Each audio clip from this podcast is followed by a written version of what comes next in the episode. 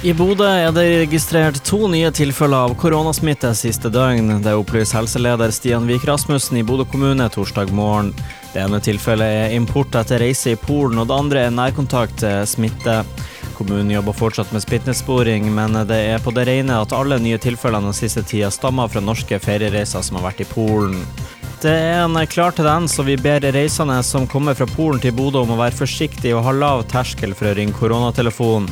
Folk som har vært i Polen anmodes om å frivillig gå i karantene etter å ha vært i landet, sier Vik Rasmussen. Altså alle som har vært i Polen i det siste anbefales å gå i karantene.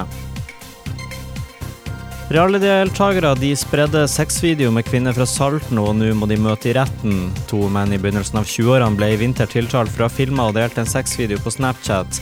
Kvinna de to mennene, en av dem fra Nordland, hadde sex med, fra Salten. Nordlendingen vinka og smilte til mobilkamera under opptaket, ifølge tiltalebeslutninga. Ingen av de tiltalte erkjente straffskyld da rettssaken starta. Mer om rettssaken på an.no. En bobil og en personbil kolliderte med elg på E45 mellom Vilhelma og Storuman onsdag kveld. Åtte personer var involvert. En mann i 50-årene som var sjåfør i personbilen, døde av skadene. I forbindelse med at en bobil og en personbil møttes, så løp det en elg opp på veien som tydeligvis begge bilene kolliderte med, sier redningssjef Mikael Dregman ifølge SVT. Og Politiet i Nordland har hatt fartskontroll på fv. 17 ved Storvik-skarteret. To førere fikk forenkla forelegg. Høyeste hastighet var 180 km i timen i åttesonen. Og det var siste nytt. I studio, Benjamin Solås.